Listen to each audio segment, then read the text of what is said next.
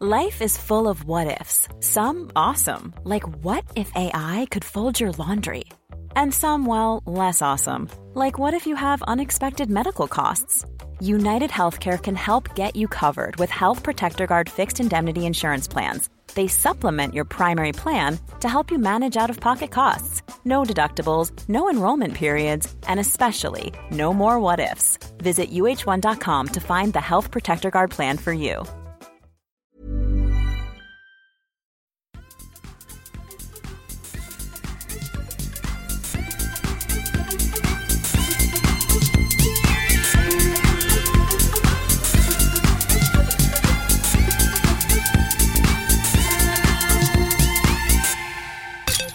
Då checkar vi in till avsnitt 169 av Kedja ut en podcast om discgolf tillsammans med mig Tommy Bäcke och min kompis Niklas Nyman.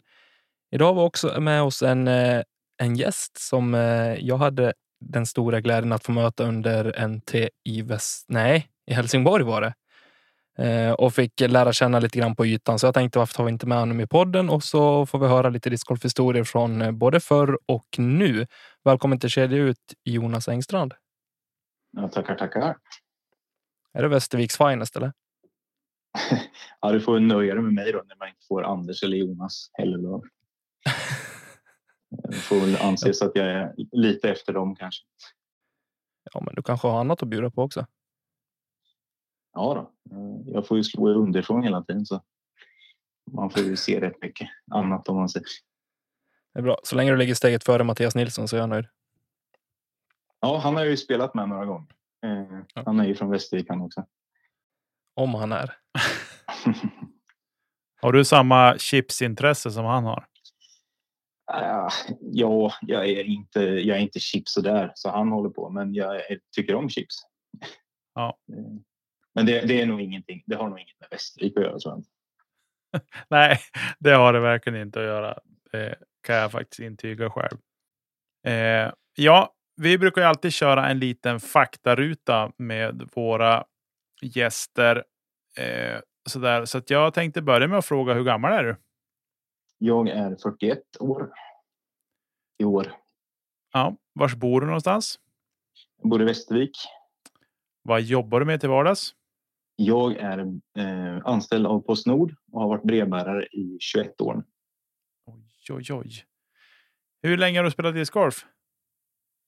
Jag har spelat discgolf i två omgångar. Jag började spela när jag var 16 tror jag. Eh, och sen hade jag ett uppehåll och så började jag om eh, 2017. Mm. Samma veva som vi Nicke? Ja, eh, vi kanske började spela discgolf ungefär samtidigt då, tänker jag. Eh, du är om du är 41, då är du 81 eller är du 80 som inte har fyllt 42 än? Nej, jag är 81. Jag fyllde 24 april. Ja, just det. Ja, men då eh, börjar vi ju nästan samtidigt ska jag säga. Eh, faktiskt. Första gången. Mm. Jag gjorde ungefär samma sak. Jag spelade först ett par år och så sen la jag av och sen tog jag upp det 2017 igen. Eh, vilken var din första disk?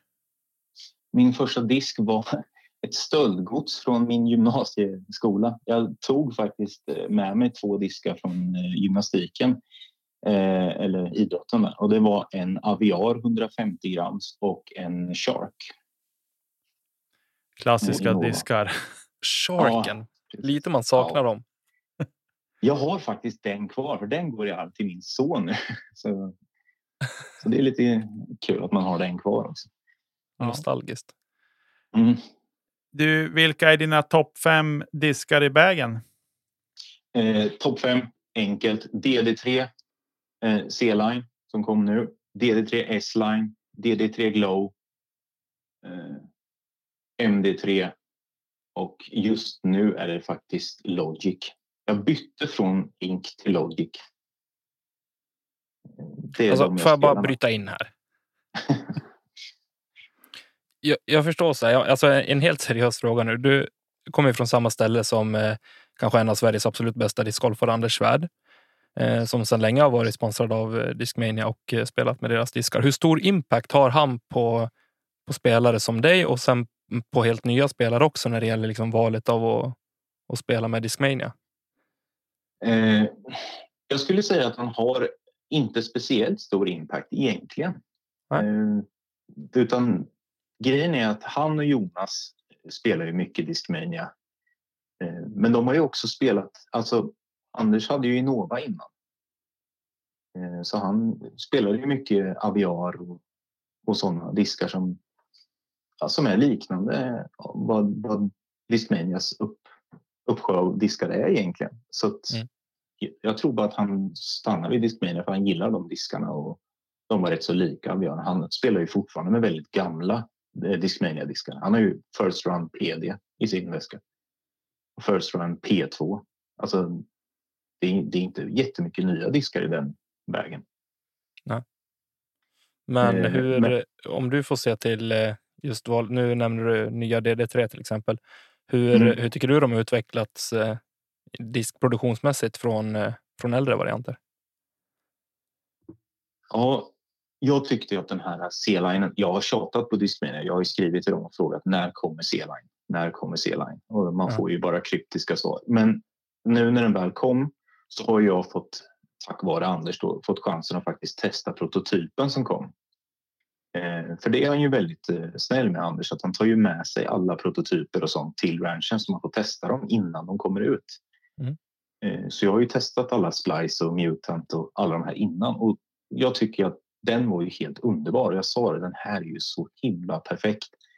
Den här som kom nu eh, sjunde i sjätte, den var lite mer flippig eller understabil då, än vad prototypen var.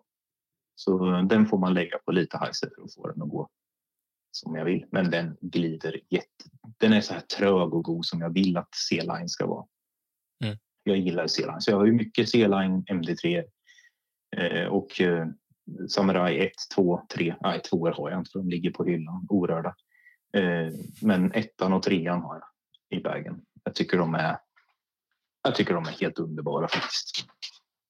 Och för de som inte mot förmodan skulle ha koll på Discmania till 100 procent, varför ligger MD2 eller MD3 nummer två på hyllan? Eh, Samurai 2 eh, Ja, Samurai 2 precis. Jag, alltså det här med diskutvecklingen har ju varit också att tack vare att det blev sån pandemi och att det blev sånt rush efter diskar så har det ju försvunnit och det har blivit en marknad som, ja ni har ju pratat om det innan, där folk faktiskt alltså, säljer själen för att köpa en disk känns det som. Mm. Man, man går hus ur all, för att ha råd att köpa de här dyra. Jag var ju där när de släpptes. Jag köpte ju dem när de kom för 269 eller 169. Jag köpte ju på mig två. De ligger kvar än. Jag Alltså jag köpte bara på mig två, sen har jag inte använt dem. Eh, men jag kommer inte att sälja dem för dyra pengar utan jag kommer ha dem kvar tills jag behöver dem. Nej, kryptovalutautväxling på, på ja, de där diskarna. Jag tror, jag tror det är rätt många som skulle vilja se min hylla i, i, i sovrummet faktiskt. Eller i barnas sovrum till och med. Eh, den är nog värd lite pengar. Ja, den är nog värd lite pengar nu. Så att, eh, men jag har ju liksom köpt på mig när det har kommit. Sen har inte jag behövt lägga i. Eh, så, så, ja, jag har ett helt garage fullt också med som jag kastat en till två gånger som jag inte var nöjd med. Jag har nog eh, lite av allt möjligt. Men du sa att jag eller eh, jag, nu sa jag mina fem diskar och alla kommer från Discmania. Det, det, är inte hela sanningen. Jag har faktiskt andra. Jag tycker om de här nya Grace, Drive och Trust väldigt mycket mm från eh, Latitud. Just Trusten tycker jag var otroligt skön. Och då bytte jag faktiskt ut min MD4 som är Discmania mot Trust. Jag tyckte att den kändes bättre. Eh, så, så jag, jag är ju inte sponsrad. Jag kan ju spela med vad jag vill så att jag behöver ju inte eh, lyssna på Anders gliringar om, om Discmania hela tiden. Det, det går bra ändå. Mm. Så, så. Men så bytte jag ut mina Link Soft mot Logic Soft efter en, alltså en puttomgång. Jag, jag puttar väldigt bra Sen har det varit så himla nerför så jag kände att jag måste göra någonting. Tog med mig hela puttbägen, kanske 60 puttar, olika puttar. Och då puttade jag med P2, P1, eh, de här luft eh, från Danmark. Ja, just det. De är, de är bättre än man tror alltså, på att gå rakt. De är sjukt stabila på att bara flyta rakt fram. Eh, de stoppade i och så tänkte jag testa Logic. Eh, första gången jag fick hem två Logic, det var ju priset de släpptes, tyckte inte alls att de var bra. Tyckte de var värdelösa, rent ut sagt. Sen fick jag, som man säger, en liten P2-bubbla på fingret. Alltså huden blir lite hård på långfingret. Eh, och då tycker jag att linken har den här lilla biden och jag tyckte att den fastnade hela tiden så jag puttade höger om korgen och då stoppade jag i två Logic. Gick en För det är skillnaden mellan Logic och Link Link har bid? Ja, precis. Mm. Den är lite lägre. Jag skulle säga att Hope, den nya från Latitude och Logic är ganska lika faktiskt. Mm. Eh, siffrorna kanske inte säger det, men jag tycker att de känns väldigt lika. Men jag hade ju två Logic som låg, soft, som jag gillar att putta med. Eh, så jag gick runt en runda och gick eh, bara för att testa puttarna. Och jag satte i stort sett allt på den rundan. Vet, man kör lite så här, jag kör två utkast, två puttar. Mm. Och går man då minus, minus 11 på Alviken, då är man nöjd när man kommer hem. så de fastnade jag för faktiskt. Jag tyckte att de var riktigt sköna. Eh, och nu, eh, ja, vi kommer komma in på lagkvalet, då kan jag berätta om en putt som verkligen betydde mycket. Känner jag. Så. Intressant att höra. Nicke sitter bara och garvar mm. åt Alviken. Men eh, Nicke hittade sin favoritputt i helgen när vi spelade en dubbeltävling, den här Trilogy Challenge. Fick vi testa den nya Agent. Ja. Den var riktigt värdelös alltså. Ja, den, var ju, den är ju som en... Den, mycket likheter med P2. Eh, och fast jag, greppig. Fast greppig. Jag gillar ju eh, inte så djupa diskar. Så jag har inte... Jag bytte till P2 för några år sedan. Men eh, det funkar inte för mig. Den var lite för djup. Eh, jag har ju puttat med Pure tidigare. Ja, eh, just det. Och, och gå från den till den till eh, eh P2. P2, det är ju som att hoppa i bassängen och tro att det är en meter djupt och det är tre. Eh, ja. Så det var, nej det vart inte bra. Så då bytte jag till eh, Sensei först och sen till Logic. Så jag puttade också med Logic faktiskt. Så det är en mycket mm. trevlig disk. Fick ja. det sagt också då? Ska vi ta sista frågan på, eh, på faktarutan Nicke? Det ska vi absolut göra. Eh, vilken är din favoritbana? Eh, ja, det är tråkigt att säga Alviken, men jag tycker att den är så himla bra. Eh, men om jag inte får välja Alviken, om jag skulle ta en annan bana så tar jag gärna Motala, Fålehagen. Hört mycket jag vet inte varför. Ja, jag, jag, vet inte varför. Jag tycker Ryds är jättetråkig. Eh, för det går aldrig bra där. Jag lyckas aldrig och nu är ju par-SM där och då ska jag ju spela. Men, men Fålehagen har jag gått bra på. Och jag gillar den på något sätt. Mm. Så, ja, jag får säga Fålhagen. Jag har inte varit jättemycket och spelat. Jag var ju NT Helsingborg som du sa i början. Den tyckte jag var jätterolig. Den var ju svår. Ja, den var tuff. Eh, den var tuff, men, men den var rolig. Eh, ja, verkligen. Och sen har jag spelat A6 i Jönköping. Den är väldigt lik Alviken tycker jag. Det är långa hål och det är, det är en lång bana. Den tycker jag också är väldigt bra faktiskt. Men, men jag tror ja, Motala Fårlagen, den har jag åkt tillbaka till några gånger för att spela. Faktiskt. Grymt. Jag tänker att vi ska väva in lite lag-SM som var, gick av stapeln i helgen, eller kvalet till lag-SM rättare sagt. Där eh, du var och deltog eh, Jonas i eh, södra divisionen, eller södra regionen. Vad säger man Nicke? Du som är tävlingsledare höll jag på att säga. Ja, vi ska väl säga östra kanske vi ska säga. Östra kanske det heter. Östra delen. Och du var i TD på i den norra. Ja. På det. Vad, vad var din eh, upplevelse Jonas från, eh, från öst? Eh, det började ju faktiskt lite tråkigt med att ett lag i vår grupp hoppade av eh, Kärsan tror jag det var. Vi skulle okay. spela mot Ty Tyresö, Västerås och Kärsan. Om jag inte har fel. Det, det, är Anders och Stefan som har mest koll på det. Eh, så det var ju lite tråkigt att få en match mindre. Eh, och jag var ju, om man säger femte hjulet, så att jag skulle ju spela den första matchen för att Erik eh, Gustafsson skulle få vila. Eh, och sen så ringde eller så fick jag ett, ett sms bara att vill du fortfarande spela? Ja, hemskt gärna. Så jag. Jag, jag har inga problem med det. Eh, så jag fick ju spela första mot Tyresö. Då. Eh, så det, det, var, det var liksom lite så här stapligt från början. Vi lyckades ju dock få ihop ett lag till faktiskt som de andra kunde övningsspela mot. Och det tycker jag var väldigt skönt. Okay. Det finns folk som ställer upp snabbt. Så, eh, så vi fick ihop två lag i Västervik. Nu får man ju inte ställa upp med två lag för kvalet då, men de här var bara med som, ja, som Utfyllnad. Nickedockor. Ja, precis. Som, som lite stand-in. Så. Men de, de vann ju sin match så det blev, blev lite konstigt det också. Mm. ja, det är väl skönt att kunna och ändå få spela den matchen. Liksom. Ja, jo, ja, men de var ju jättetaggade bara för att hoppa in. Så, så det var kul. Sen mm. var det ju andra polen var det ju Luff, Linköping.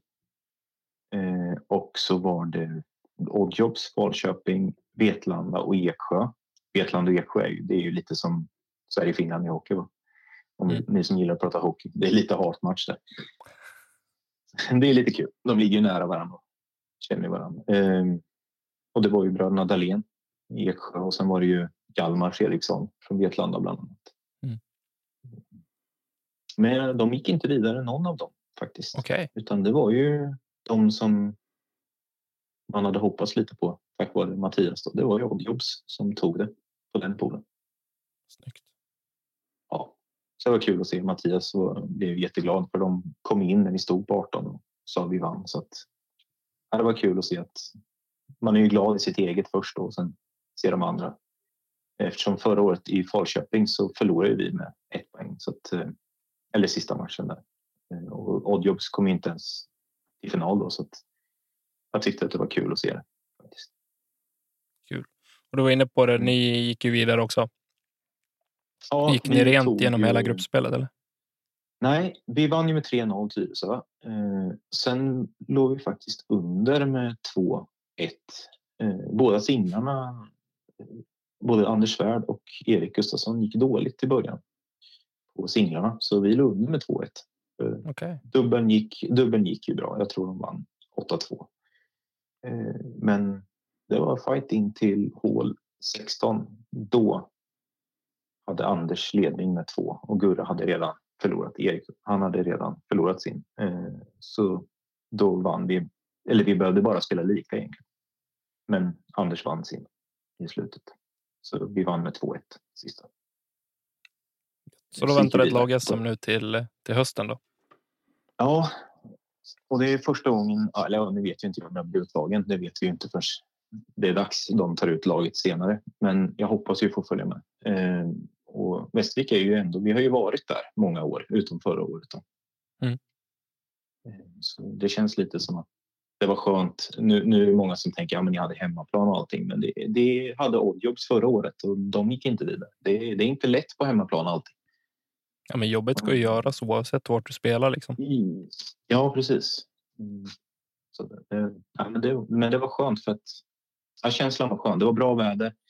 Jag hoppas Nicke någon gång får se Alviken när det är bra väder. Jag hoppas det. ja, för då är det mycket roligare att spela. Även Jenny faktiskt. Jag, jag tycker att Jenny är ju också en bra bana. Men den, det, lagkvalet hölls ju bara på Alviken. Mm. Eh, men ja, men det var, det var skönt att ha hemmaplan också. Eh, man behöver ju man kan ju koppla Jag stod ju till klockan 22.00 dagen innan och bara putta, putta, putta, putta för att liksom få bort den här hjärnspökena som jag hade fått på veckogolfen på onsdagen innan. Då hade jag ju missat sju birdieputtar. Då kändes det väldigt tungt ett tag. Mm. Så jag och min flickvän åkte ner och så hakade lite andra folk på också. Så körde vi lite inspelstävlingar och lite puttävlingar och så. Då gör det kul liksom. Man behöver inte bara stå och nöta en timme utan göra det lite roligt samtidigt. Mm. Och det märktes ju dagen efter. Mm. Stort grattis! Ja, I alla fall till. Eh, till platsen. Eh, om vi ska rikta ögonen lite norrut då Nicke, vad utgången och eh, känslan som du tar med dig därifrån? Eh, ja, men det var ju väldigt. Det var bra. Eh, vi hade ju tur med det var lite blåsigt. Eh, men jag tar hellre vind och soligt och varmt än att jag tar eh, blåsigt och regn om man säger så. Eller att det hade varit vindstilla och regn. Så det var. Det var trevligt. Det kom ju en skur där på förmiddagen, en ordentlig skur, eh, men den drog som bara över egentligen. Eh, men sen var det väl var det bra. Det var ganska kvavt på morgonen när jag dök upp där. Eh, så, men, eh, nej, men det var fint. Eh, bra spel från alla lag tycker jag. Eh, jag strosade omkring. Ängarna är ju så att där kan man ju gå lite. Ja, du vet ju Tommy, man kan ju gå lite kors och tvärs där över ja, mellan 1 och 14 och 12 och, mm. och så där eh, och få se ganska mycket golf så där. Eh, så att jag, jag strosade omkring och följde med någon grupp ibland och, och tittade lite sådär. Eh, men eh, Umeå var starka. Om vi ska prata om dem först. Eh, de Eh, vann alla sina matcher. Eh, utom en i sista. Då spelade de lika i dubbeln, men i övrigt så gick de rent. Eh, så de vann sin grupp före Timrå Sundsvall och Kiruna som hade anslutit. Eh, och sen då i den andra gruppen där vi hade Skellefteå, Wasteland, Husum. Hade Husum och Söderhamn. Eh, så där var det tajt och jämnt eh, ända in till sista putten egentligen eh, mellan Wasteland och Skellefteå. Där hade Wasteland tagit den matchen så hade de gått vidare till finalen till hösten. Men de spelade lika och därmed så smet Söderhamn förbi och tog, tog eh, finalplatsen. Då. Eh, så Umeå och Söderhamn vidare från Umeå. Eh, och i Kil, Karlstad, eh, så vet jag att det var tajt även där och där var det FK 360 till slut som gick vidare och Hofors som tog sig vidare till finalen som spelas över tre dagar den 16 till 18 september i Örebro. Så. Ja. Det var väl det om lag-SM. Kval, kvalet till lag-SM ska vi säga. Lätt att säga fel där. ja. ja. Jag tycker väl att vi eh, studsar vidare lite grann och tänker att eh, vi ska öppna historieboken lite Jonas och eh, vi vill ju gärna veta lite grann. Du nämnde ju att du har spelat i två, två sessioner mm. i discgolf och vi skulle vilja veta lite grann när du väl började spela och så där. Hur utbredd var sporten? Hur såg det ut med tävlingar och antal spelare och banor och så där? Och såklart lite diskar och hur det såg ut då i val. Ja. Eh, jag började, jag, kom, jag, tror jag var 6, 17 kanske. Mm. då. Eh, för jag var på gymnasiet. Jag började spela tack vare att en kompis eh, stora syster var tillsammans med en annan spelare som var eh, stor förr då, eh, Jesper Bensain. Han spelade för Västervik. Eh, mm. Han och Anders var ju mycket ute och tävla. Eh, hon var tillsammans med honom och liksom Jonas, min kompis då som heter också Jonas, han sa det, häng med och vi kastar lite på ett fält. Och vi står där och kastar och sen svänger förbi två killar och säger ni vet att det finns en klubb? Ja, jo, vi vet, men alltså våga gå dit. Tänkte man då. 16 år och så, så hade man hört då namnet Svärd och de här Mm. Man tänkte, nah, ja, jo, ja, men vi kan, väl, vi kan väl gå dit. Och sen så åkte vi dit, eh, tre kompisar, och testade. Och ja, det var kul. Jag fastnade. Jag alltså, cyklade på luncher och allt ut till banan. För då bodde jag ganska långt från banan, ingen körkort eller någonting. Eh, och sen cyklade jag ut och, och, och, körde liksom själv och med mina kompisar. Och jag fastnade. Eh, och då använde man ju då, ja, jag hade ju som sagt två stöldgods. Eh, men det var Sharken och sen köpte man någon driver som man tänkte den här är nog bra. Eh, någonting ni säkert har talas om heter Cyklon mm. Discraft. Som var, alltså man hade inga pengar heller på den tiden som man har nu. Alltså nu jobbar man som man har ett kapital och köper lite diskar. Jag vill inte säga för mycket till att bli flickvännen arg men Man Eller ju lite- investera, beror på hur man ser det. Då. Ja, just det. Så, så kan vi säga. Man investerade väldigt mycket diskar nu för tiden och väldigt lite på den tiden. För då var det faktiskt så att när man köpte disk på den tiden, då gjorde man det i källaren hos eh, Anders och Stefans föräldrar. Där hade de eh, diskar och då var det då, tror det kostade 90 kronor för en vanlig D-line eller vad heter det nu? Ja. Eh, Den, den som var den som är D-line på Discmania nu är så dålig de andra. Eh, Och en basplast. Basplast, ja. Och sen hade du KC. Eh, KC Rock och KC Aviar och, och de här. Eh, och de kostade ju 125 kronor och det hade man ju inte råd med. Alltså, man var ju livrädd att man skulle kasta bort någonting då. Men då hade man ju sina, sina fyra, fem diskar och gick runt och det var ju en Shark. Det var två Aviar. En lättviktsaviar då, och sen en vanlig Aviar. Classic heter de väl.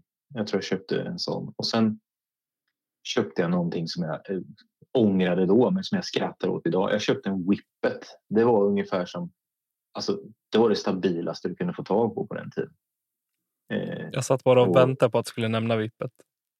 ja, alltså det var ju liksom det häftigaste man kunde ha på den tiden om man hade arm för det. Det hade man inte då. Allting blev ju bara Spike Heiser så fort man kastade. Ungefär som en splice skulle vara idag. Alltså, man tyckte allt var jättesvårt. Jag provade den när jag började om nu och jag skrattade för det blev ju roller. Liksom. Eh, Åt andra hållet. Jag, måste, jag, har, jag har faktiskt en Whippet. Jag måste prova den och se. Jag har inte vågat kasta den bara för att jag skulle bli så besviken tror jag. Men jag måste prova att kasta den. Ja, Jag har, jag har faktiskt min kvar också. Jag har min Shark kvar. Och jag har eh, min Shark, jag har min eh, eh, Aviar gick av. Ja, just det. Jag har två Aviar som faktiskt när jag började om nu och testade, de sprack på mitten. Cyklonerna har jag inte kvar. Eh, XL kastar jag mycket. Discmania X eller Discraft XL. Också en Och- klassiker. Ja, för den kunde man köpa i affärerna när man åkte iväg. Liksom. Då kunde man köpa dem i lite bättre plast. Det var lite mer som ja, nästan som Starplasten idag, eller S-line om man skulle säga. Mm. Man tyckte att den var liksom lite, ja den höll lite mer. Och sen KC då, KC Rock och KC Aviar och sånt där. Det, det, var ju, det var ju bättre plast i dem också.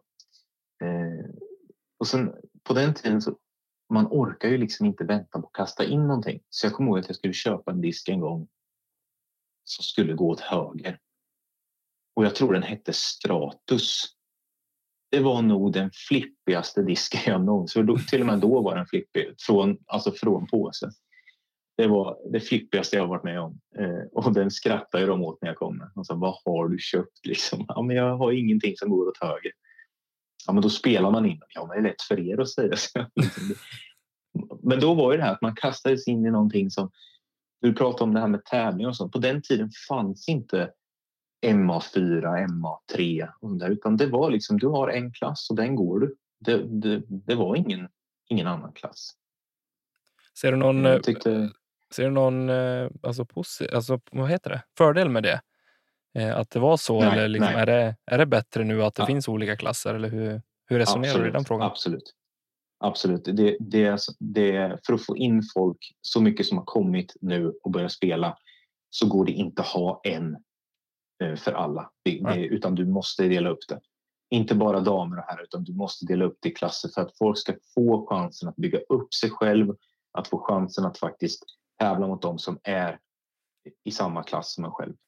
För det är också så att du, du kan ju tänka att du har ju som en våg också, att du, när du börjar då är du nybörjare och, och så blir det liksom bättre och går upp. Men så kan det ju också vara de som trappar av, de som går ner, som blir äldre. De går ju tillbaks och kanske får spela MA3 igen. De som vill och känner att de vill fortsätta. Det måste Mm. finnas ett alternativ för dem också. Du kan inte bara gå upp till Open och sen är du där resten av ditt liv. Det, det är inte alla som klarar det. Eh, Så jag tycker, jag tycker det här med uppdelningen är jättebra. Att folk får chans att verkligen spela där du ska spela. Då blir det mycket roligare. Man, man lär känna mycket mer människor som är som man får får gå med ganska samma personer ganska ofta på tävlingar. Just på såna här. Jag går ju runt på Smålandstouren till exempel. Jag möter ju mycket samma och de som som är under mig i klassen, de möter ju sina gamla som de alltid möter. Det, det är liksom, jag tycker att det är bra. Sen när man går man högre rating, ja men då ska man gå upp. Man ska våga gå upp. Men man behöver inte stressa upp. Utan man ska spela där man spelar, eller ska spela, tills man är faktiskt mogen att ta steget. Mm. Eh. Det, när jag började... det kan jag se tillbaka till mig själv lite grann också. Det, att jag liksom har valt att kliva upp och spela Open nu och samtidigt se spelare och liksom den utveckling andra spelare eller mina motspelare haft som har varit eh, jämnduktiga och också har tagit samma steg. Det är också en fröjd att kunna säga att det faktiskt går och att folk blir mycket, mycket bättre på det de håller på med och att träning faktiskt gör, eh, gör skillnad. Det, jag tycker det är fantastiskt roligt att liksom bara följa eh, en utveckling oavsett vart du har börjat någonstans. Ja, absolut. Och det jag tänker när jag, när jag ser de här klasserna också, det är att man ska inte vara rädd för att faktiskt gå ner. Om, ja, men ungefär som i, i, i en, om vi säger i allsvenskan. Eh, att vissa lag går ju upp, men vissa lag går ju också ner. Mm. Så, så de, om man känner liksom att ah, men jag kommer sist i Open hela tiden, var inte rädd för att kliva ner till eh, MA2 eller intermediate. Bara, liksom bara för att få tillbaka känslan. För det, kan, det är inte jättekul att ligga på botten hela tiden. Utan även på veckogolfar och sånt. Utan gå ner och bara få tillbaka. Det är ju många som har gjort i Västervik. Gå tillbaks, kämpa upp igen, känna att okej, okay, men nu ligger jag på en bra nivå igen.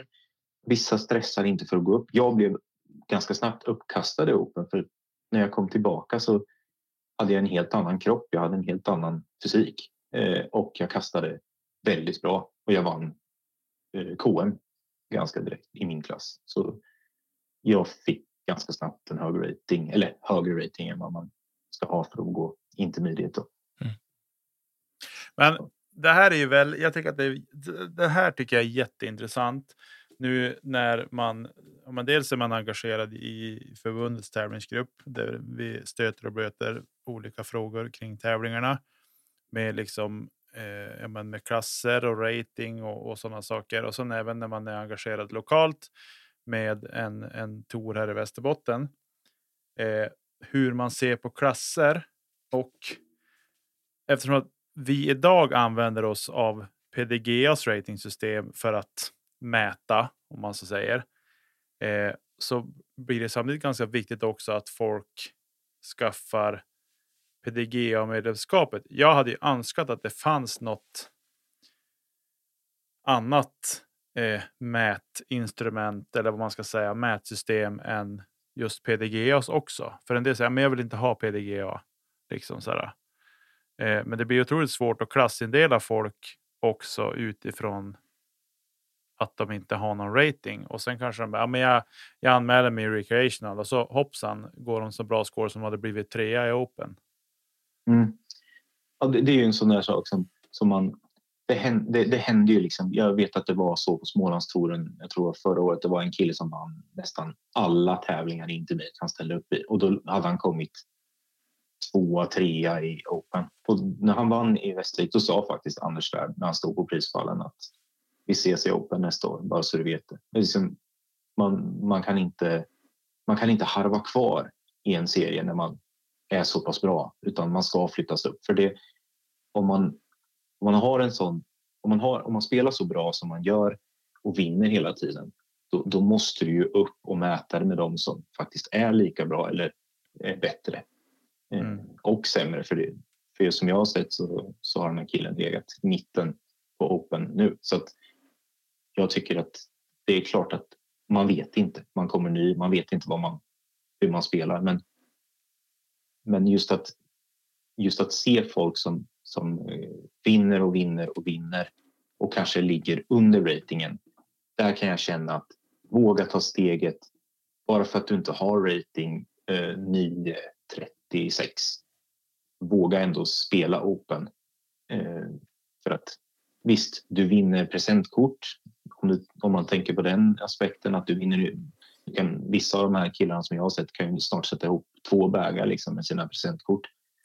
För att de har vunnit så många. Mm. Men på något sätt så går inte ratingen upp.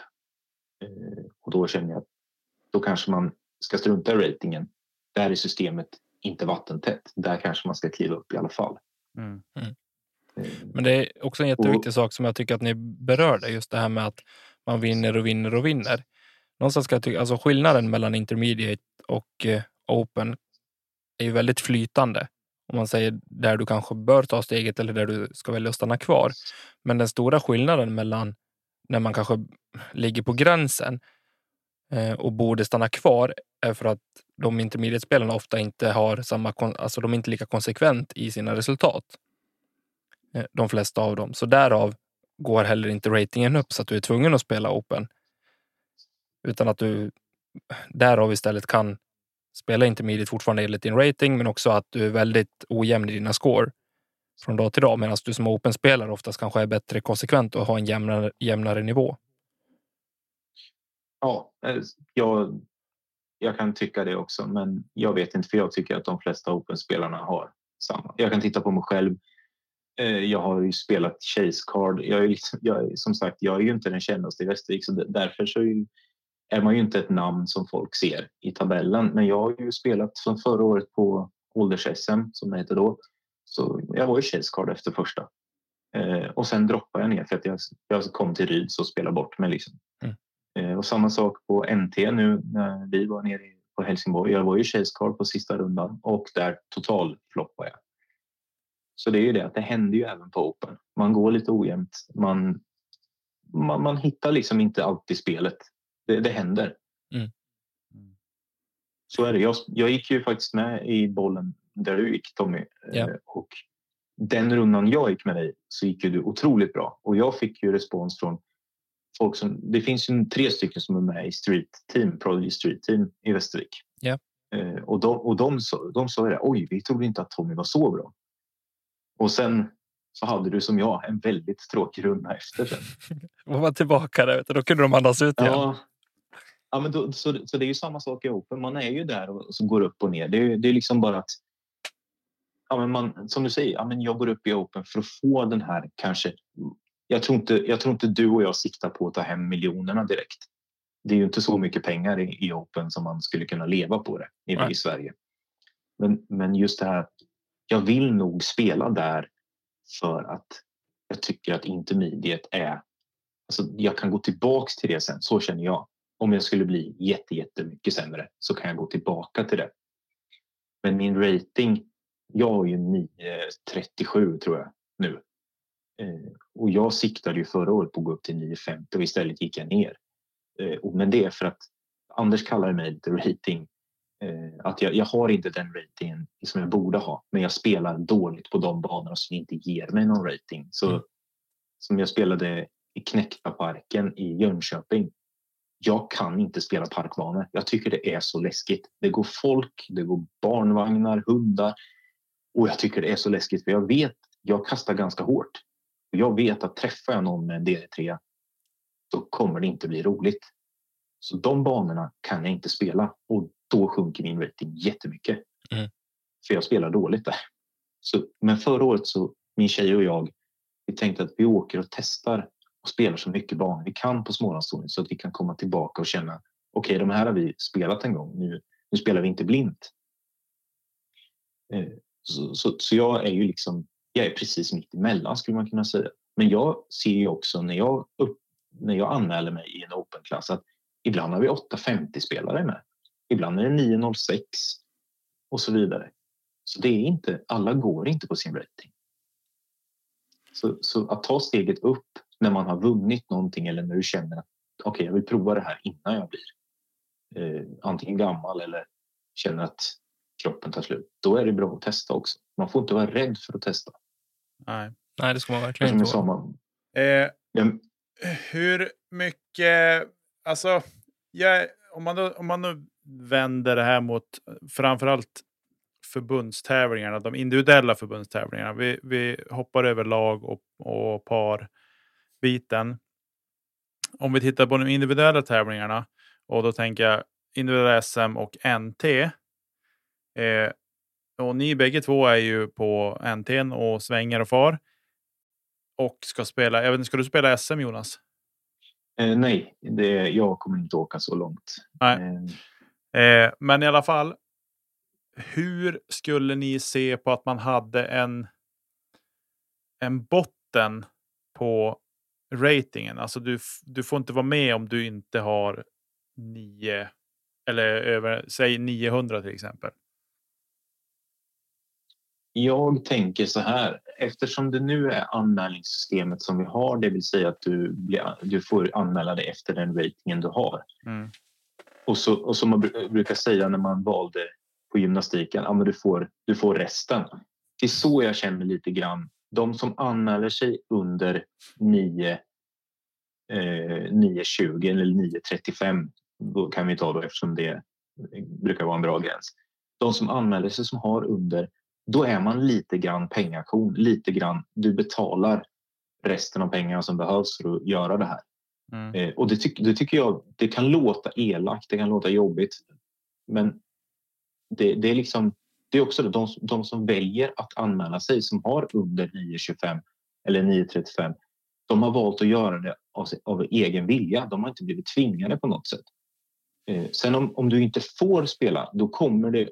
Nu, nu tror jag att det kommer nog inte vara några problem närmaste tiden för att jag tror att vi kommer ha så många som kommer att kunna spela på sin rating ESM eh, tack vare att så många har börjat. Eh, men innan så var det nog mycket att vi behöver även de som, ja, som bara kommer dit med pengarna egentligen. Mm. Eh, och vill, göra ett, vill bara testa på att tävla. Ja, precis. För jag tänker med tanke på hur vansinnigt mycket tävlingar det har dykt upp eh, rent krasst över hela landet, men kanske framförallt i södra Sverige. Eh, så det kommer upp otroligt mycket tävlingar. Så tänk att det finns, det finns, en, en, det finns en marknad för alla spelare. Eh, det, är därför jag, det är därför jag lyfter den här frågan lite grann, bara för att liksom mm. höra vad, eh, om det är någonting. Det, blir, det rimmar ju illa med att sporten är inkluderande men samtidigt så är det, vi riktar oss till den professionellaste delen av spelare i Sverige med förbundstävlingarna också. Precis, och, och som du säger, det, det, kommer upp så mycket tävlingar nu och det är så mycket evenemang och det är så mycket event och torer hit och torer dit. Så att alla har chans att spela nu. Så var det inte förr. Mm. Då fanns det liksom inte jättemycket torer och lokala tävlingar som, som, det, som det är idag. Så att du har helt rätt, för jag tycker också att när det finns så mycket tävlingar så bör man rikta sig mot Sverige-eliten då ska spela eh, NT. Får man se där också när vi har varit inne och pratat på rating att jag har inte hundra koll på ratingsystemet hur det funkar, men låter det som att jag är helt fel ute om att om man har fler spelare med lägre rating kommer det kunna skada spelare med högre rating. Alltså om man vill öka sin rating, om ni är med hur jag menar. Ja, det är klart att det kommer att göra det. Eh, det vet vi ju att, att det kan ju skada. Det har vi hört också. En, en del väljer att inte tävla på vissa banor för att de är så rädda om sin rating. Eh, och det får man väl ha någon sorts eh, respekt för, även om jag inte delar eh, just den. Att man blir så rädd om sin rating så man inte väljer att tävla på vissa banor. Eh, men eh, och jag hoppas inte att det är några elitspelare i Sverige som liksom så här, eh, men väljer att inte spela på eh, NT i, på A6 i Jönköping för att det är för mycket låg-ratade spelare med. Eh, men sen är det klart att de kan ju bli en sån som, som även kan skänka bort ratingpoäng om de spelar dåligt. För det blir så. Har du någon spelare som nu, jag tror lägst, den spelaren som har en rating eh, så ligger den lägsta just nu som är anmäld till SM på 866. Och säg att det, om det är en hemmaspelare som bara har spelat den layouten och kanske gjort en tävling 10 mil bort på en bana och spelar blint och har fått sin första rating där och sen bara har spelat hemma på sin egen hemmabana och kanske kommer fortfarande göra ett betydligt bättre resultat. Och så har vi tusen ratade spelare som kanske fortfarande spelar väldigt bra, men snittratingen kommer eventuellt gå ner för att lägre spel. Nu krävs det säkert att fler lägre ratade spelare gör det som, eh, som just den spelaren i det här exemplet. Men eh, tror ni att jag är ute och cyklar eller liksom hade det, är det enda anledningen som vi kan komma på till att faktiskt eh, ha ett, ett golv eller en, en botten för på rating till SM och NT? Jag är väl mer så här att vilken vilken kvalitet vill vi ha på tävlingen? Mm.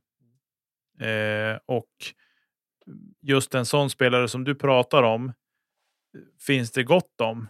Att de har en låg rating men de, men de spelar som att de har 950. Men de kanske har 885 eller 890 eller 906 eller vad de kan ha. Skitsamma. Eh, och det är ju det svåra i det här, för det är ju det vi har att titta på. Sen kan man ju ha liksom, ja men, eh, ja men som nu, eh, ja men Stefan Svärd som sitter med i tävlingsgruppen, han kan gå in och säga, ja men Jonas han är duktig, han är riktigt duktig. Han, han, jag kan med gott samvete säga att han kan vara med i den här tävlingen och prestera. Eh, till exempel. Medans för mig som inte liksom, jag, jag har en rating att titta på. Eh, och se att, ja, nu inte nu då, du Jonas, men en annan spelare, Kalle, han har 8,85. Men Stefan säger, men han är skitduktig, men jag har bara ratingen att titta på. Mm. Det blir så otroligt svårt att vad ska vi använda för verktyg för att avgöra huruvida man tycker en spelare ska vara med eller inte. Eh, Mm. Jag lyfter bara frågan för hur ska vi hur ska vi pusha de professionella tävlingarna oavsett vilken det är, om det är en NT eller om det är på Svenska Disc Golf Pro Tour eller vad det än är liksom till att höja nivån så inte det blir eh, pengagödslare eh, som kanske består till en stor del av startfältet som Mm. de aldrig kommer att vara i närheten av överhuvudtaget. Eh, Ja, Jag tänker att det här gäller nog ganska i alla sporter egentligen. Om du, titt, du kan titta utanför disksporten. Så, alltså, du kan titta på vanlig golf eller du kan titta på OS. Det är alltid några som kommer sist mm, eh, och, och får en riktigt dålig... Alltså det är någon som kan riva ut sig i höjdhopp kanske eh, på 20 centimeter kortare än vad de brukar göra. Eller Mm. lägre. Och det, är klart att det känns och det, så är det ju för oss också. Jag trodde inte att jag skulle gå plus 13 i, när jag hade gått plus 3 i, på NT i Helsingborg. Nej. Det hade jag ju inte tänkt. Eh, och det är klart att alltså, det blir ju det blir som kontrast för att vissa dagar så går man bra och vissa dagar går man dåligt. Så är det ju. Och, och så är det ju med alla sporter. Men du måste ändå ha folk. Och, och vill man, nu tänker jag att eftersom det här är ett problem som jag tror eh, eller det här problem, men det här är en sak som har kommit upp nu för vi är så många som deltar. För jag kan titta på vad den här Smålandstouren som jag sa som jag spelar, eller ni har ju också Västernorrlandstouren och allt det här. Att förra året då behövde man inte hänga på låset för att få en plats. Jo, nu så sitter man med telefon. Ja, ni fick göra det eh, förra året här, där uppe. Det kommer jag ihåg ni pratade om. Men det behövde man inte göra på Smålandstouren för det var liksom platser. Nu har vi överflöd med spelare och det är två pooler eh, för att kunna få ihop allting. Och det är majoritet intermediate och novice. Mm. Så det är, det är liksom jätte, jättemycket folk. Och i SM då, jag tror att många anmäler sig för att de har lust att spela en stor eh, och att de känner att ja, men jag har inte rating men jag vill ändå prova det här. Och eftersom det blir liksom att när du får anmäla dig, om du hänger på och trycker in att nu får du anmäla dig, då kommer du komma med. För att få bort eller för att få det här att fungera med att ja, men okej, vi kör stopp 9.25. Då måste vi ju fylla kvoten. Det tror jag att man kommer göra nu. Jag tror man kommer fylla och du skulle kunna fylla med alla som är över 9.25 på SM och NT och så. Eh, för att eh, det, är liksom, det, det, det finns tillräckligt med spelare nu. Men det har man nog inte kunnat göra innan 2019. mm, Då har det inte varit, då har det inte varit jättelätt att fylla allting. För jag tror att SM nu ligger väl, det är väl fullt om jag inte Mm. minns fel. Jajamän, MPO är fullt. Ja, och, och det betyder att visst, några har dålig rating, men de har ändå fått anmäla sig för vi har det systemet.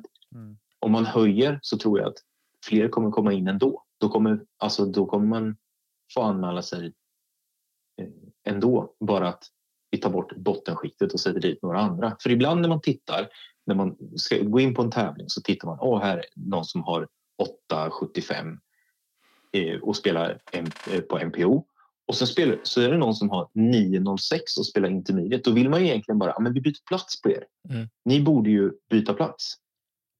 Men eftersom man har valet fortfarande så kan man inte göra så. Utan då får du ju spela när du har anmält dig. Mm. Och om man ska gå in då och säga att ah, okej, vi sätter, nu sätter vi NT och SM-tävlingarna, att vi sätter ett stopp, ett botten där. Då måste du också titta. Damerna har inte så hög rating. Vart sätter du den spärren? Allting måste, det måste klaffa och när de kör ålders-SM, de damerna som spelar plus 60 eller plus 50, de hade ju, jag tror det var 121 kast eller något sånt plus. Det är mycket. Mm. Ska man ta bort den klassen eller ska man... Alltså det, det är nog väldigt mycket som man måste nog ha ett klart, en klar plan när man går in och, och petar i det här. Mm. Ja, Men, men sen tror jag att, att man, man, man ska fylla ut så att alla får plats. Men det behöver inte bara vara hemmaspelare som du säger. För, för om det kommer någon och säger ja, men han är jättebra, han är hemmaspelare. Ja, han är jättebra hemmaspelare. Eh, vi kan skicka in honom om det skulle vara så att dagen innan ringer någon och säger jag kan inte. Mm. Då, då kan man säga att du finns med i vår lista. En vecka innan, ja men då kan man säga ni som var näst på tur, kom nu. Mm. Precis. Ja, det är så, jag har som sagt ingen klar åsikt i hur, hur man borde göra, men jag är helt rätt inne på ert spår också att det borde finnas en plan och att eh, tar man ett eh, nytt beslut att man ska införa en botten så då bör det finnas eh, en god grund till det och där borde det vara åtminstone att eh, fältet ska fyllas. Tänker jag. Sen är det också svårt med, eh, nu nämnde du Jonas att du inte kommer åka så långt för att spela eh, nu när SM går i Skellefteå. Det är ju också en grej att ta in, att vart man lägger det geografiskt sett i så fall. Mm. Ja, men jag, jag tycker inte bara man ska lägga det på Järva för att det är på mitten eller i Gävle eller någonting, utan det är klart att det ska gå över hela landet. Mm. SM ska inte bara vara på samma, det ska inte bara vara på Södra, Södra breddgrader, utan det är klart det måste vara överallt. Och folk som vill verkligen spela SM, de kommer ta sig dit upp. Jag kan inte den här, det här året. Jag hade gärna spelat Skellefteå. Jag lovar, alltså, det är ju en bana som man har på sin bucketlist, självklart. Mm. Eh, Men i år blev det inte så. Ja, det är intressant. Vi eh, har stor anledning att återkomma, eller vad säger du Nicke? Ja, alltså jag vill bara poängtera att det här är absolut bara frågeställningar. Det finns ingenting från förbundshåll eller någonting sånt vill jag bara poängtera och trycka på, Mm. utan det är bara mina egna tankar och spekulationer eh, kring det här. Ingenting annat så att, så att, så att ni vet. Absolut. Och det är jättebra att du nämner det. Men jag tror att eh, vi är fler som går och tänker i de banorna också. Jag tycker, jag tycker förbundet gör ett bra arbete med de ändringar som vi gör just nu. Se på lagkvalet till exempel som har vi färskt i minnet. Alltså, nu blev det två poler med två som går vidare. Så var det inte Mm. förra året. Det är mer lag alltså, som har chansen. Eh, Och, och man måste ju, tack vare utvecklingen som vi har, så måste man ju också titta vidare. Men man kan inte lösa allt. Rom byggdes inte på en dag. Liksom. Vi måste låta det ta sin tid för att det är inte lätt att ändra allting.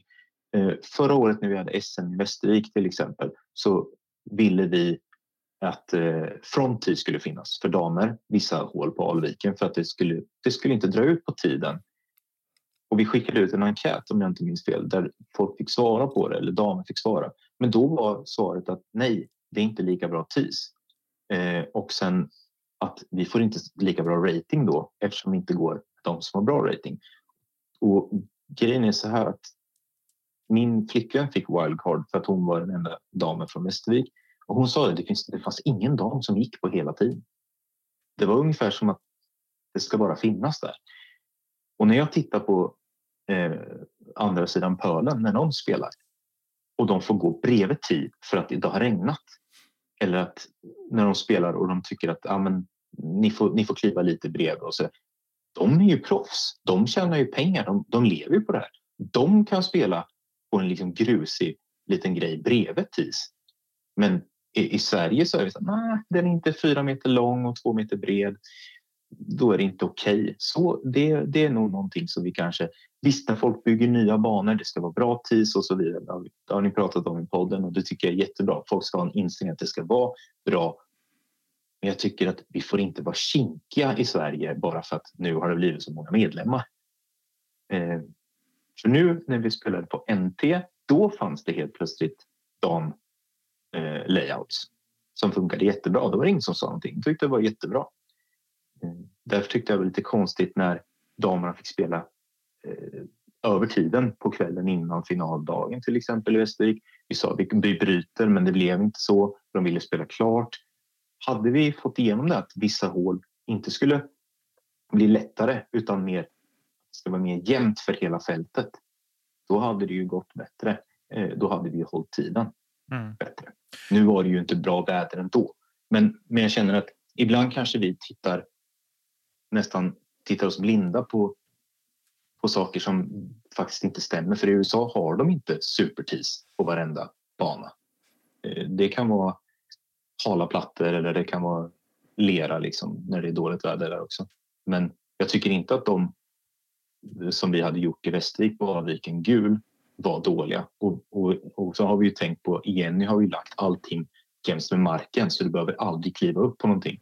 Så där är ju run-upen 50 meter bakom om du vill. Det är ju, du behöver ju aldrig kliva upp på någonting. Mm.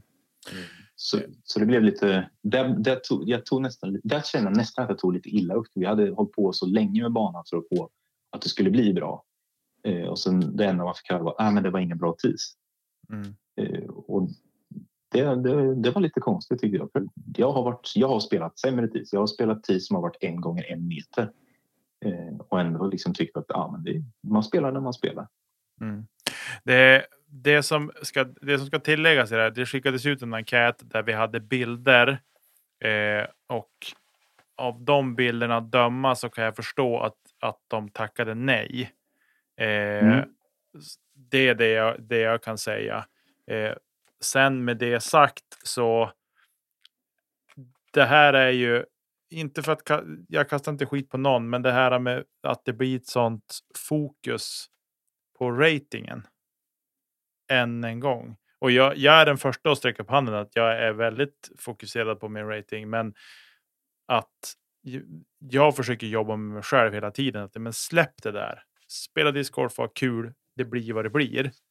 Det är liksom försöket. Men jag pratar ändå om ratingen var och varannan dag eh, med folk som inte vill lyssna. Och det är ju.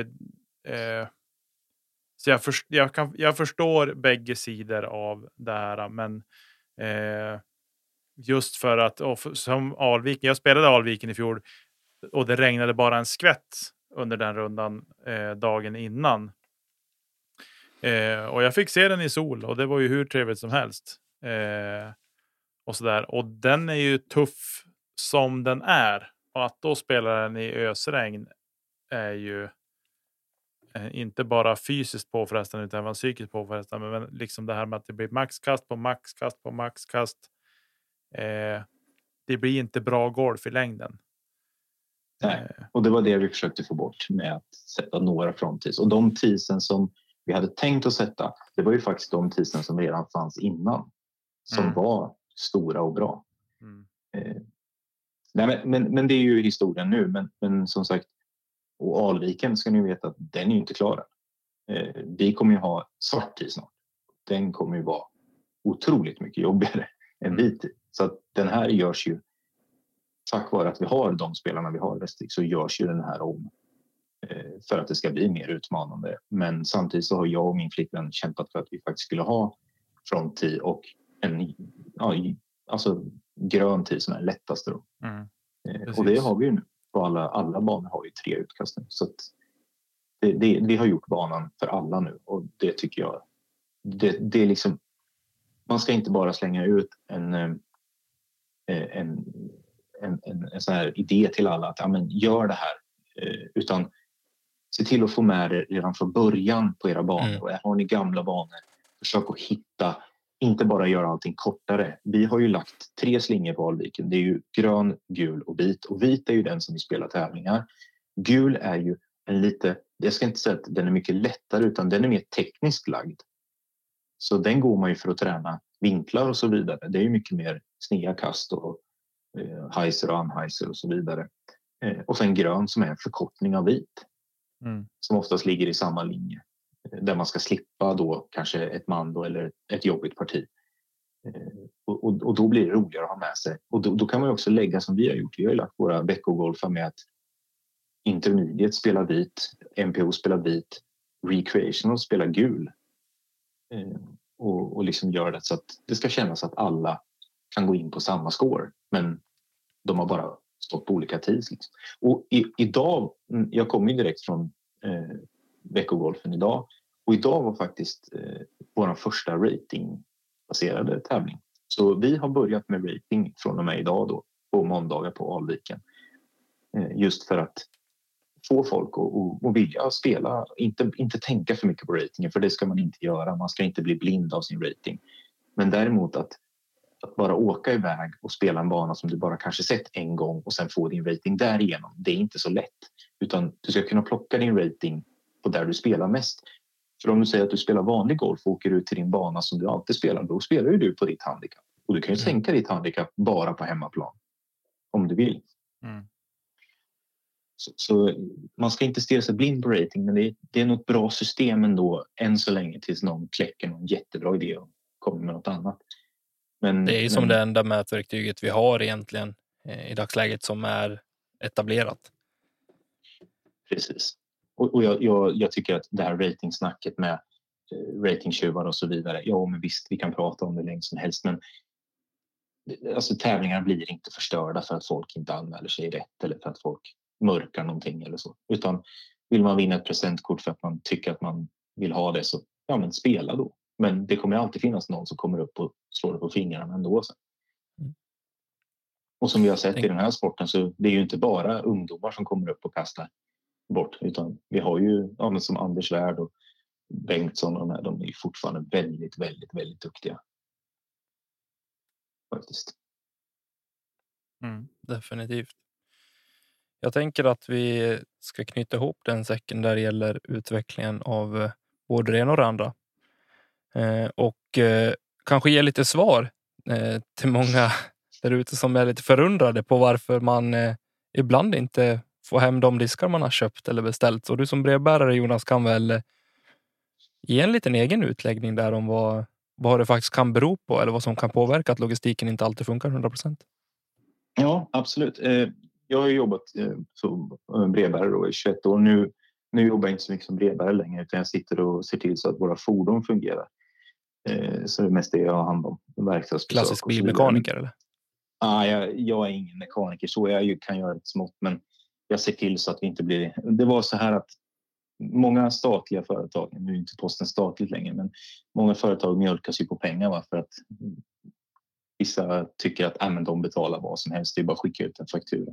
Så mitt jobb eh, var faktiskt, eller kom till så att vi blev lurade på så mycket pengar från verkstäder och så vidare. Så jag sitter och tittar på så att det inte blir det helt enkelt. För det kostar ju folk. Jag menar, vi vill ju inte höja, höja portot för att vissa börjar ta ut överpriser för att laga våra, pengar, våra bilar. Liksom. Så det, var, det är ett jobb som jag har nu. Men som sagt, jag har ju varit brevbärare i 21 år och eh, jag har ju sett väldigt mycket paket med diskar. Eh, komma. Jag, I Västervik alltså det kommer ju paket varje dag. Minst fyra, fem. Eh, det är otroligt mycket diskar som, som säljs och köps. Och då är det ju oftast de som skickar paket som kommer från om vi säger, onlineföretag och så vidare, Disksport eller Mickes disk och så vidare de, de, de är ju ganska klara. De kommer dit de ska. Det är bra märkt och det är liksom allting så. Men många som skickar till varann har ju ett, lite mindre säkerhet på sina paket. De skickar ibland med frimärken.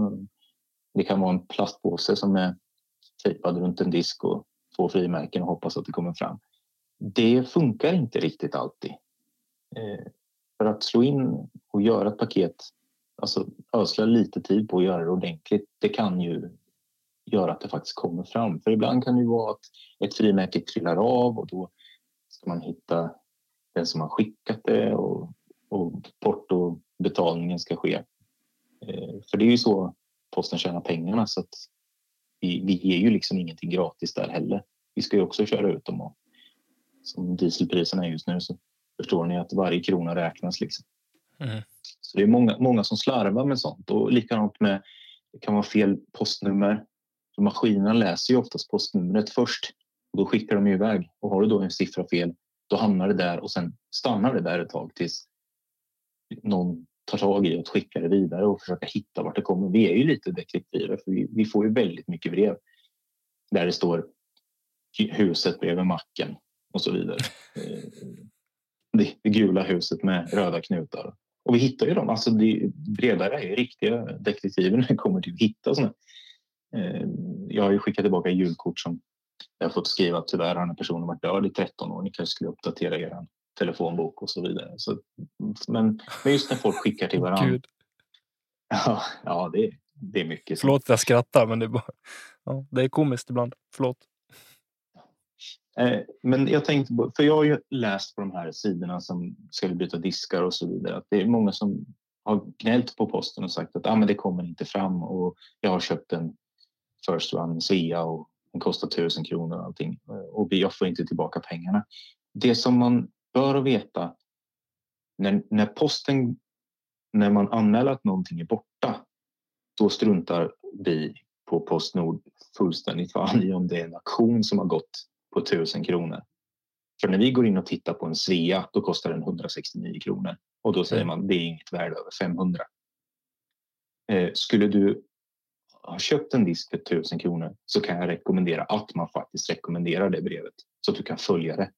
Och, och då finns det också en säkerhet. Köper man någonting som du tycker är så dyrt så att det överstiger 500 då bör du också kunna lägga på 50 kronor för att rekommendera någonting. Eh, och som det ser ut nu med den här köp och säljgrejen så alltså när du ropar in då en jag kan ta som exempel då en Cloudbreaker 1 för 1 och 1. Då måste du ju kunna vara beredd att lägga lite mer för att vara säker på att den kommer fram. Alltså du och säljaren måste komma överens om att vi rekommenderar det här. Jag, jag lägger på 25 kronor och du tar 25 kronor eller jag betalar hela och så vidare för att vara säker på att båda får eh, får det här att gå, gå ihop. Mm. För det är mycket brev och mycket paket som varje dag går i de här flödena. Då. Eh, om, om du ska vara helt säker på att komma fram, rekommendera allting. Det är det enda jag kan säga, att rekommendera eh, dyra saker. För värdet på en plastdisk är fortfarande bara värdet på en plastdisk. Man kan inte gå och säga ja, men den här har jag ropat in för 2000 ja, skyll dig själv skulle någon säga då. Det är fortfarande bara en plastdisk. Eh, för värdet som, som du sätter på en auktion är ju inte värdet som Postnord får, får fram när vi kollar vad är den här värd. Aha, exakt. Så är det ju. Och, och, just när det blir så här att folk betalar överpriser för de här diskarna då, eh, och sen blir av med dem, då är det klart att då blir det en stor grej för då är ändå betalt mycket pengar till säljaren. Och har säljaren då missat en bokstav eller en, en siffra eller någonting och den har kommit på villovägar eller hamnat på fel eh, plats eller som när du beställer vissa eller när du får hem vissa paket så har du ju då tagit eh, paket där man faktiskt lämnar det vid dörren i en påse. Och är det då någon som, som snor det, ja, det är ju för att du inte har eh, betalat för att få det till ditt ombud om man säger. Mm. Så mycket, min rekommendation just när man tänker på det här med att skicka saker, det var noggranna med hur ni slår in, eh, kolla adresserna extra och allting. Sen självklart, det försvinner saker eh, för att det kommer fel eller för att eh, ja, saker och ting försvinner. Brev försvinner och så vidare. Det, det, kan vara vad som helst. Det kan fastna i maskiner eller det hamnar på fel ställe. Eh, men jag fick någon gång så sa de, ja, men du som brevbärare som ser massor med diskar, blir du inte sugen på att ta en? Eh, jag kan säga så här, att skulle en brevbärare ta en disk så tjänar de en disk men förlorar sitt jobb. Och om jag inte har mitt jobb så kan jag inte köpa någon disk. Så jag behåller hellre mitt jobb än en disk. Vare sig den är värd 160 kronor eller 2000 kronor. Så jag tror inte att där ligger inte problemet att någon skulle vilja sno de här grejerna. Mm, faktiskt. Det har jag, blivit, jag blev lite sur när någon sa det. hur, hur, kommer sig, eller hur vet jag att det inte är ni som tar Och jag tror det gäller för de flesta jobb att vi hanterar så mycket mer värden diskar. Det är inte det som vi som skulle vara det som man skulle sno om man jobbar på posten. Liksom. Så, så, det låter som en självklarhet i mina öron. Ja, det, det, ja, det är många som... Varför skulle jag ta en disk som jag kan sälja för tusen kronor när jag har, ett, har en årsinkomst som jag förlorar istället? Så mm. jag kan bo kvar i huset. Liksom. Det, det, vore ju, det är ingen bra ekvation. Så summa summarum så kan vi säga att eh, Svenska Discgolfare ska lära sig att skriva fint och eh, skicka brev med rekommenderad post. Ja, om du har ett värde över 500. Ja, jag tycker att man ska rekommendera det. Eh, och sen får man komma överens hur man ska med betalning. Eh, ja, självklart så det är upp till säljare och köpare. Men, men eftersom det ser ut som det gör nu på den här konstiga, konstiga marknaden med, med plastdetaljer så för mig så är det fortfarande, alltså även om det står Eagle McMahon eller om det står Paul Macbeth på den, det är fortfarande bara en plastbit. Mm. Och i, i alla andras ögon utom discgolfare så är det bara en plastbit. Det, det måste vi förstå. Så, så, så, så, tänk inte att det, det är liksom inte en pensionsspar vi håller på med. Utan det är liksom fortfarande bara någonting som egentligen är gjort för att kastas. Och sätter man upp det på väggen. Vi har ju samlare i Västervik. Jag har en kompis som samlar på allt som har Discmania stämpeln på sig. Och självklart, det finns samlare och jag tycker att det är inget fel med det. Men jag tycker att eh, har man då lagt ut så mycket pengar för att få den, lägg på 50 kronor så är ni säkra på att ni får. Det är den jag kan säga. Grymt. Känns som eh, bra ord att gå ut på. Att eh, ge lite tips till Discord Sverige och eh, ja, vad säger vi Nicke? Ja, jag, jag håller med. Jag, jag är bara enig. Jag älskar eran tjänst. skicka lätt eller vad den heter. Den är ju perfekt för att skicka diskar och så. Eh, och sen kan man ju välja spårbart också om det är så. Eh, så det tycker jag är en riktigt bra tjänst. Eh, medan ni har pratat på er eller medan Jonas har pratat på er så har jag faktiskt suttit och tittat lite på diskar. också bara för att fick lite feeling här så jag tänkte att jag kanske måste köpa något så kom jag på mig själv att nej, det behöver jag inte alls. Men, men Nicke, du vet att Sky, Sky Gold 4 kommer snart. Ja, men det, alltså helt ärligt. Vad hände? Var det praktikanten som fick göra stampet eller? vad hände? Ja, det, oh. jag, jag, tyckte inte att Cloudbreaker 3 var snygg heller så att, eh, jag vet inte vad som hände. Nej, jag tycker att de får ta och sparka den där designkillen och, och jag tycker så här. Jag skulle jätte, jag har två stycken Skyguard 2 jag vill ju helst byta bort den ena mot en Skyguard 1 för jag tycker ettan har den absolut snyggaste stämpeln. Av Skyguards ja. i alla fall. Jag, jag har ingen, men jag har en eh, partner eller, eller para SM partner som har kastat bort två Skyguard 3 nu och han är inte glad. ja, jag säger det, ja. Men så kommer han med nya idag så att Ja, det gäller ju att ha ett lager. Va? ja, precis. Eh, ja, nej, men jag tänker att vi knyter ihop säcken. Och säger stort tack till dig Jonas att du ville vara med. Ja, tack. Tack för att jag fick med och jag är gärna med igen om ni vill snacka. Ja, det är väl såklart. Det kan, det kan vara bra att få lite rapporter söderifrån också kanske. Ja, precis. Eh, och som alltid, stort tack till alla ni som lyssnar och våra Patreons. Stort tack till Emil Lennartsson och Marcus Linde för grafik, vignetter och jinglar. Ja, Tommy, vad, vad gör vi inte nästa gång vi tränar? Tycker inte att vi ska kasta kedjor ut. Hände igår på spottiturkorgarna. Dags att designa om dem där. Ja, vi säger tack och adjö hörni. Ha en fin vecka. Hej hej! Hej hej! Bye.